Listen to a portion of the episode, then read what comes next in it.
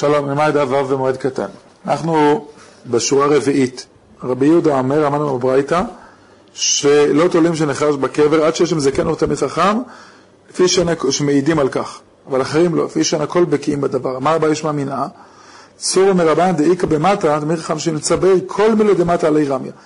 כל הקברים, כל בני העיר, הוא בקיא בהם, והוא יודע מה הולך איתם, ולא סתם בני אדם. אמר רבי יהודה, מצא אבן מצוינת בסיד, תחתיה טמא, כי זה הציון. אם הוא מצא שתי אבנים, שתיים, אה, מצוינות בסיד, אז התחתיהם ודאי טמא. מה קורה ביניהם? אם יש סיד ביניהם על הארץ, אז גם ביניהם טמא, ואם אין סיד ביניהם, ביניהם טהור. אומרת הגמרא, ברב אגב דליקה חורש, האם כשאין סיד, אז הוא טהור השטח אף על פי שלא מצא חרישה ביניהם, והתניא מצא אבן אחת מצוינת תחתי הטמא. שתיים סמוכות זו לזו, תחתיהם אמרנו טמא.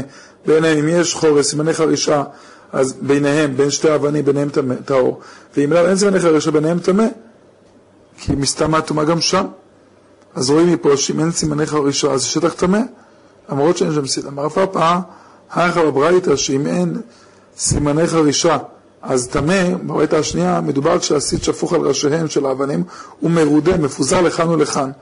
ולכן, כאילו התפזר לקרקע. לכן, אי כחורש, אם יש סימני חרישה ביניהם, ביניהם טהור. למה? דהיום לחמת חורש הוא די קלף. מסתבר לומר שבגלל החרישה התקלף הסיד מהאבנים ונפל על הרצפה, אבל אין פה ציון. האבנים לא, אין סימני חרישה, אז מדובר שהסיד ביני ביני, הוא הסיד הוא בין האבנים, ולכן ביניהם טמא. אבל מה שרב יהודה אמר, מדובר כשאין סיד כלל בין האבנים, ואז ודאי ששטח טהור גם בלי סימני חרישה. אמר רב אסים, מצר אחד מצוין על ידי סיד, הוא טמא, כן? המצר הזה טמא, וכל השדה כולה טהורה. כל שאר השדה טהורה. כאילו השדה עצמה הייתה טמאה, היו עושים לה ציון מכל הכיוונים. לכן, המצר טמא, כל שאר השדה טהור. שניים בציד, הם טמאים וכל השדה כולה טהורה. שלושה מצרים מצוינים בציד, הם טמאים וכל השדה כולה טהורה. ארבעה מצרים מצוינים בציד, הם טהורים למצרים וכל השדה כולה טמאה. למה טמאה? כי אם הציון ארבעת המצרים, הכוונה היא שבפנים כל השדה טמא. ואמר, מה הם מחכים ציון במקום טומאה שלו להפסיד את ארץ ישראל? זאת אומרת, אם מציינו רק מיצר אחד, אז אה, הם עלולים להחמיר יותר מדי. או שאם הכל, אם סימנו את הכל, ברור שהכל בפנים טמא. אמרנו יוצאים שלוחי בית דין גם על הכלאיים, אף על הכלאיים, בחול המועד.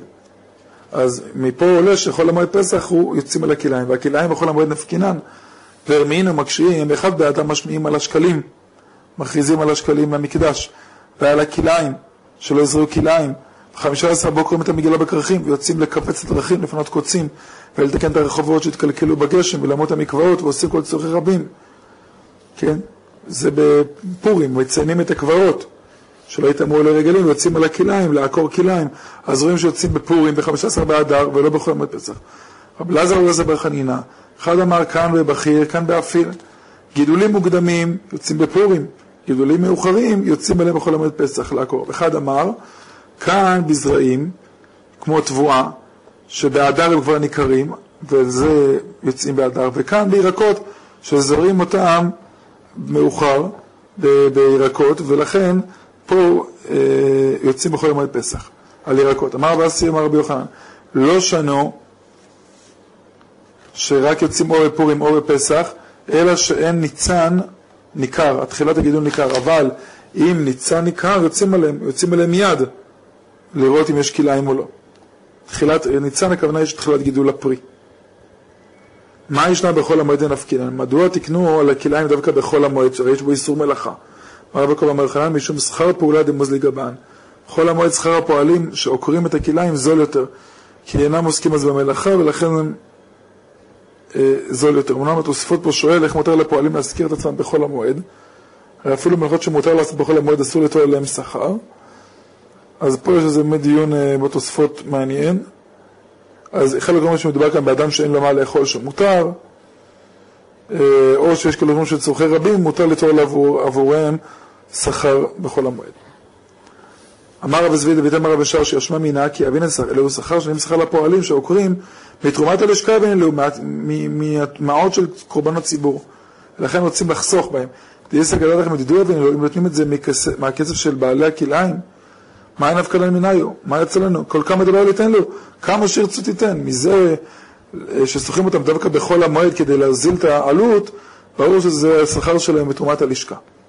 ועד כמה? כמה נחשב שיעור של אה, איסור כלאיים, שכוון לעקוב, אמר שמואל בר יצחק, כי אותו ששנינו במשנה בכלאיים, כל שאה, זרע, שיש בה, שנזרע איתה רובע זרע ממין אחר, רובע קו ממין אחר, ימעט, ימעט ממין האחר, ויעקור אותו עד שלא פחות מרובע קו. זה השיעור. זאת אומרת, המין הזר עד רובע קו לסאה. והתניא התקינו שיהיו מפקירים את כל השדה כולה. אז איך אתה אומר שמספיק למעט? צריך להפקיר את כל השדה. כן, כי כנסו את בעל השדה, בגלל שהוא לא עקר, שיפקירו לו אה, את כל הגידולים בשדה. זה הכוונה. אבל לא רק למעט הכליים. עונה הגמרא לא קשה, קודם, קודם תקנה, כאן לאחר התקנה. זאת אומרת, קודם התקנה היה צריך להפקיר את כל השדה, אחרי התקנה לא. תתניה, בראשונה היו השלוחים עוקרים את כל מה שמצאו משליכים לפני בהמתם של בעלי בתים למאכל. ועלו בעלי בתים שמחים שתי שמחות. א', אחד שמנגשים להם את השדות בחינם, זה עושה להם טוב, ואחד שמשליכים לפני הבהמות לאכול. אז הדבר הזה היה ממריץ אותם לעבור את האיסור. התקינו שיהיו עוקרים ומשליכים על הדרכים, כדי שידרסו את זה עברי דרכים ויפסלו עם מאכל בהמה. ועדיין היו שמחים זברה גדולה שמנגשים שדותיהם. אחרי זה התקינו שיהיו מפקירים את כל השדה כולה. ולכן היה פה שלבים באמת בתקנה של העניין. היה שלב שרק מיעטו והיה שלב שהפקירו את כל השדה כולה. משנה, רבי אליעזר בן יעקב אומר, מושכים את המים מאילן לאילן בכל המועד. תעלה מאילן לאילן, ובלבד שלא יערים ומשקה את כל השדה כולה, כי זה כבר הרווחה. זרעים שבית השלכים שלא שתו, לא הורגלו לשתות לפני המועד, לא ישקים במועד. אם לא הורגל אז לא, וחכמים מתירים בזה ובזה. גם להשקות את כל השדה כולה וגם להשקות זרעים שלא שתו לפני המועד. גמרא, אמר רבי יהודה, אם הייתה שדה מתוננת, מותר. אמרנו, רבי אליעזר בן יעקב, אוסר להשקות כל השדה כולה. אבל אם זו שדה לחה שהתייבשה, מותר להשקות אותה במועד, כי יהיה לו הפסד גדול. תנא מיחי, כשאמרו אסור להשקותם במועד, לא אמרו אלא בזרעים שלא שתו לפני המועד, לא הוגלו בשתייה. זרעים ששתו לפני המועד, מותר להשקותם במועד. ואם הייתה השדה מטבעה, שדה מתוננת לחה והתייבשה, מותר, כן, כי זה הפסד גדול. ואין משכין שדה גריד, שדה יבש במועד לא משקים, כיוון שרגיעה להיות יבשה לא צריך להשקות אותה, וחכמים מתירים בזה ובזה. גם בשדה גריד יבשה מתירים במועד, וגם בזרעים שלא שתו לפני המועד. כן, רואים מפה שהדעה הראשונה מתירה בשדה מתונן, זה רבי אליעזר בן יעקב. אמר רבי נשמע מינה, היי תרביצה, גינת ירקות, שרי ותרבוצה בכל המועד. מותר לזלף על המים בכל המועד, אפילו כדי להרוויח קצת. למה? שדה גריד, מה הייתה מה? למה שדה גריד התירו רחמים להשקות בכל המועד? הרי אין בזה הפסד. דאף למשל ולכפה. כי בלי ההשקיה הייתה מבשלת פירותיה מאוחר. ההשקיה עושה אותה יותר טובה למהר את, הביש, את, ה, את הבישול הפירות.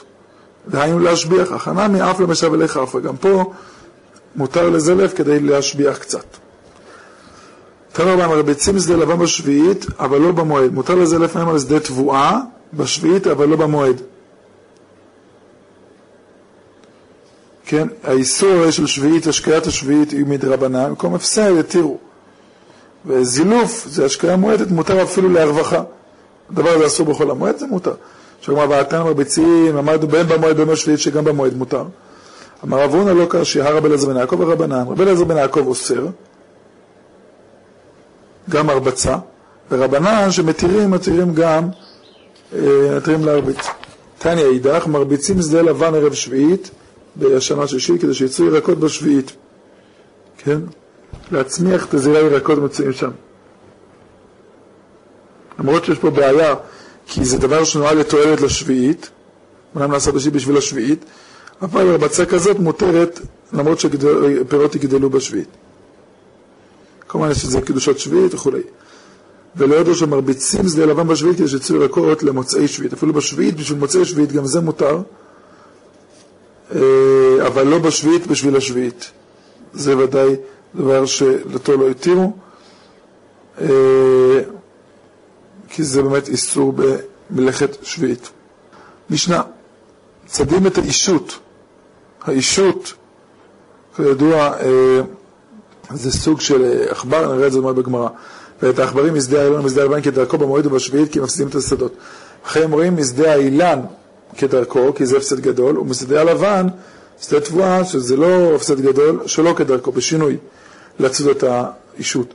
מקרן את הפרצה במועד אם נפרצה, בשביעית בונה כדרכו, מותר לבנות את הכותל גמור מהתחילה. מה אישות, אמר רב יהודה? בריאה שאין לה עיניים, שחופרת בקרקע.